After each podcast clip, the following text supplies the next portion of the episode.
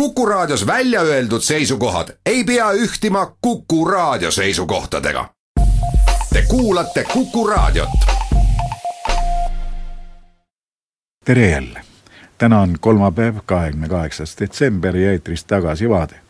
minu nimi on Tõnis Erilöit. kell näitas viis kakskümmend, noh minut siia-sinna hommikul. inimesed veel magasid, kui maavärin algas loetud sekunditega oli paljudest küladest Sitsiilias ja Kalabria maakonnas järel vaid vanemehunnikud. majad olid seal seisnud sajandeid püsti, need olid tugevate seintega, aga paraku nõrgal vundamendil. esimene hiigeltõuge kestis vaid kolmkümmend üks sekundit, aga jõudis selle ajaga külvata surma ja hävingut. tõukele järgnes tsunami, mis paiskas rannale kuue, isegi kaheteistkümne meetri kõrgused lained üks maavärina üle elanud inimene kirjeldas, kuidas öisesse vaikusesse kärgatas ootamatult tugev mürin. tema maja värises ja seinad kukkusid kokku. ta jäi oma voodi ja seinatüki vahele lõksu, aga suutis end välja rebida ja tormas koridori. avastas, et allkorrusele viivat treppi enam ei ole. tema viie lapse hääled kostsid kusagilt kivilasu alt. isa hakkas koos naabritega meeleheitlikult lapsi käsitsi välja kaevama. Pimedus oli sel ajal pilkane aga isa märkas, et äh, jooksevad ümberringi paljajalu ja ööriietes inimesed ja palus neid ka appi. noh, ta ise nägi sama armetu välja, aga sellele polnud tal aega mõelda. peas vaserdas vaid üks mõte, mu lapsed ei tohi hukkuda ja nad õnnestuski päästa. kui see pealtnägija rääkis oma mälestustes mürinast, siis samuti maavärinast eluga pääsenud noor arst kirjutab, kuidas enne tõuget kostis tugev vile sarnane heli nagu oleks tuhanded hõõguvad raudlatid külma vette torgatud. mõni jälle mäletab, et nende mõnekümne sekundi jooksul oli nagu kolm tõuget. esimene kõigutas maju edasi-tagasi, teine tõukas neid tugevalt ülespoole ja kolmas, noh, käis ringi nagu ratas see kõik oli kahekümne kaheksandal detsembril tuhat üheksasada kaheksa, kui Messina väinas kitsukesel merealal, mis lahutab Manner-Itaalia lõunaosa Sitsiiliast, juhtus üks Euroopa teadaoleva ajaloo kõige suuremaid maavärinaid. no see oli ka esimene, mida registreeriti parimate tolleaegsete mõõteseadmetega ja juhtunust on seetõttu ka võrdlemisi põhjalik ülevaade.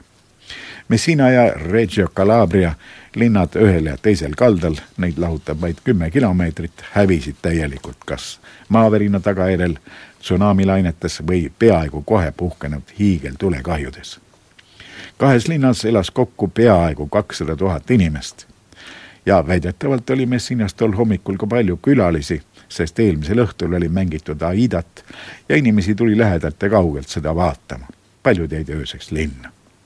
Aida meespeaosaline hukkus, kui teda majutanud hotell varises, aga imekombel jäi ellu Aida osa laulnud Ungari sopran Paula Koralek ja varemete alt päästeti ka teised näiteseltskonna liikmed hukkunuid aga oli Messinas kümneid tuhandeid, surma said ka Ameerika Ühendriikide ja Prantsusmaa konsulid oma peredega. hilisema tsunami ohvreid arvatakse olevat kahe tuhande ringis. Lained olid nii tugevad, et kandsid minema isegi raudteesilla. kümned tuhanded jäid varisenud majade alla. mõni inimene päästeti veel nädalaid pärast maavärinat. tsunami jõudis välja ka paar tundi hiljem Maltale ujutas seal majade all korrused üle, aga hoonetele endale suuremat kahju ei teinud. paljudes majades kukkusid küll pildid seintelt ja klaasnõud purunesid.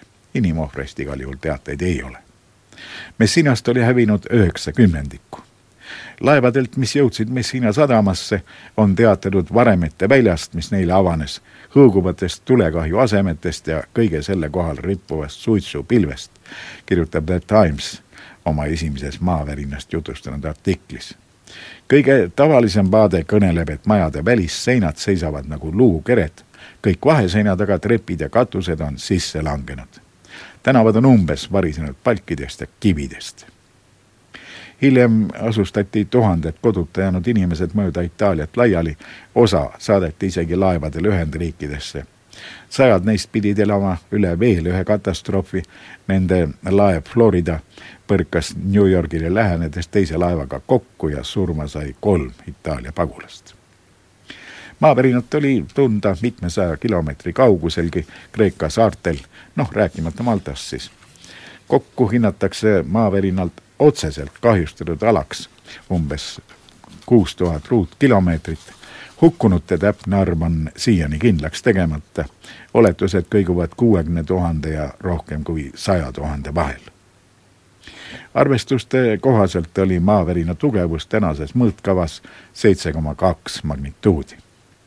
Kõik juurdepääsuteed olid katkenud, abi saadi tuua ainult meritsi esimestena olidki kohal Suurbritannia ja Venemaa meremehed, sest nende laevastiku eskaadrid pidasid parajasti Vahemerel harjutusi.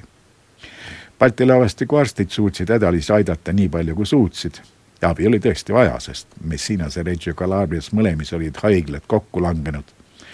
hiljem tulid eh, Vene arstidele appi Ühendriikide laevastiku meedikud aga paljud Vene meremehed hukkusid varemete alt inimesi välja kaevates, kui järeltõuked uusi varinguid tekitasid. kolmandal jaanuaril jõudis kohale esimene Ühendriikide laev. Ühendriikidel nimelt polnud sel ajal veel Vahemerel alalist laevastikku. ainus suurtükipaat Scorpion baseerus Konstantinoopolis sealt võeti peale abilaadung kohe samal päeval, kui teade maavärinast Türki jõudis ja laev läks täisauruga Messina poole teele president Roosevelt oli tükk aega varem teele saatnud kuueteistkümnest lahingulaevast koosneva suure valge laevastiku, nii seda kutsuti, sest kõik laevad olid värvitud valgeks ja kaunistatud kullaga. ta tahtis näidata teistele riikidele Vaiksel ja Atlandi ookeanil Ühendriikide merejõudu. see laevastik oli parajasti Vahemerre jõudmas ja sai ka ülesande Messinale appi minna jaanuari esimesel poolel oli ameeriklaste toodud tuhandetest varustustonnidest väga suur abi, sest Itaalia võimud ei olnud kuigi agarad algul ohvrite abistamisega. alles siis, kui katastroofialale tulid kuningas Emmanuel Kolmas ja kuninganna Helena, siis suudeti abi andmine paremini käima panna. Kuid peaaegu kohe algas Messinas ka rüüstamine vangla oli kokku varisenud ja sealt põgenenud vangid olid esimesed, kes eh, röövimist alustasid. Nad ei põlanud kiskuda väärisesemeid ka surnukehade küljest.